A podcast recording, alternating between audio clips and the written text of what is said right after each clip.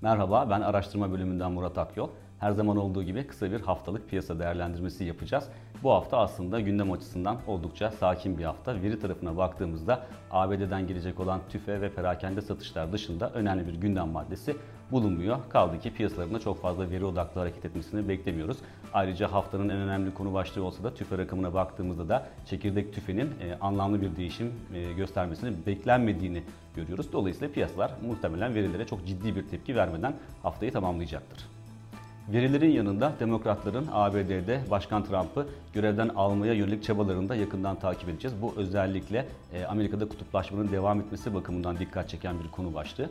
Ayrıca bu hafta Cuma günü Amerika'da bilançolar da gelmeye başlayacak. JP Morgan, e, Citigroup, Wells Fargo gibi bankaların bilançolarını takip edeceğiz.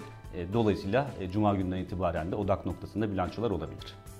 Borsa İstanbul tarafında ise özellikle yurt dışında risk iştahının e, güçlü olmasının yanında TL'nin son dönemde daha dirençli bir tablo ortaya koymasının endekse pozitif e, yansıdığını görüyoruz. Her ne kadar endeksin e, diğer gelişmekte olan ülkeler piyasalarına kıyasla iskontolu olduğunu görmeye devam etsek de söz konusu iskontonun yavaş yavaş daralması muhtemel görünüyor. Bu iskontonun tamamen kapanmasını beklemiyoruz ancak iskontonun tarihsel ortalamalara yaklaşması bile endeksin önemli oranda güç kazanabileceğine işaret ediyor.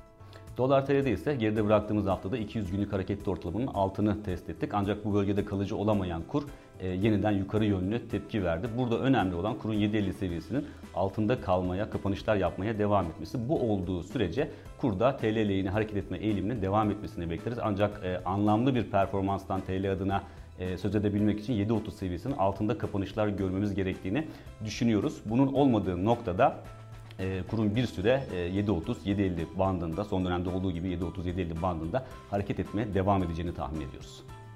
Zamanı kazanca dönüştürmek için ünlü The Club'ı izlemeye devam edin.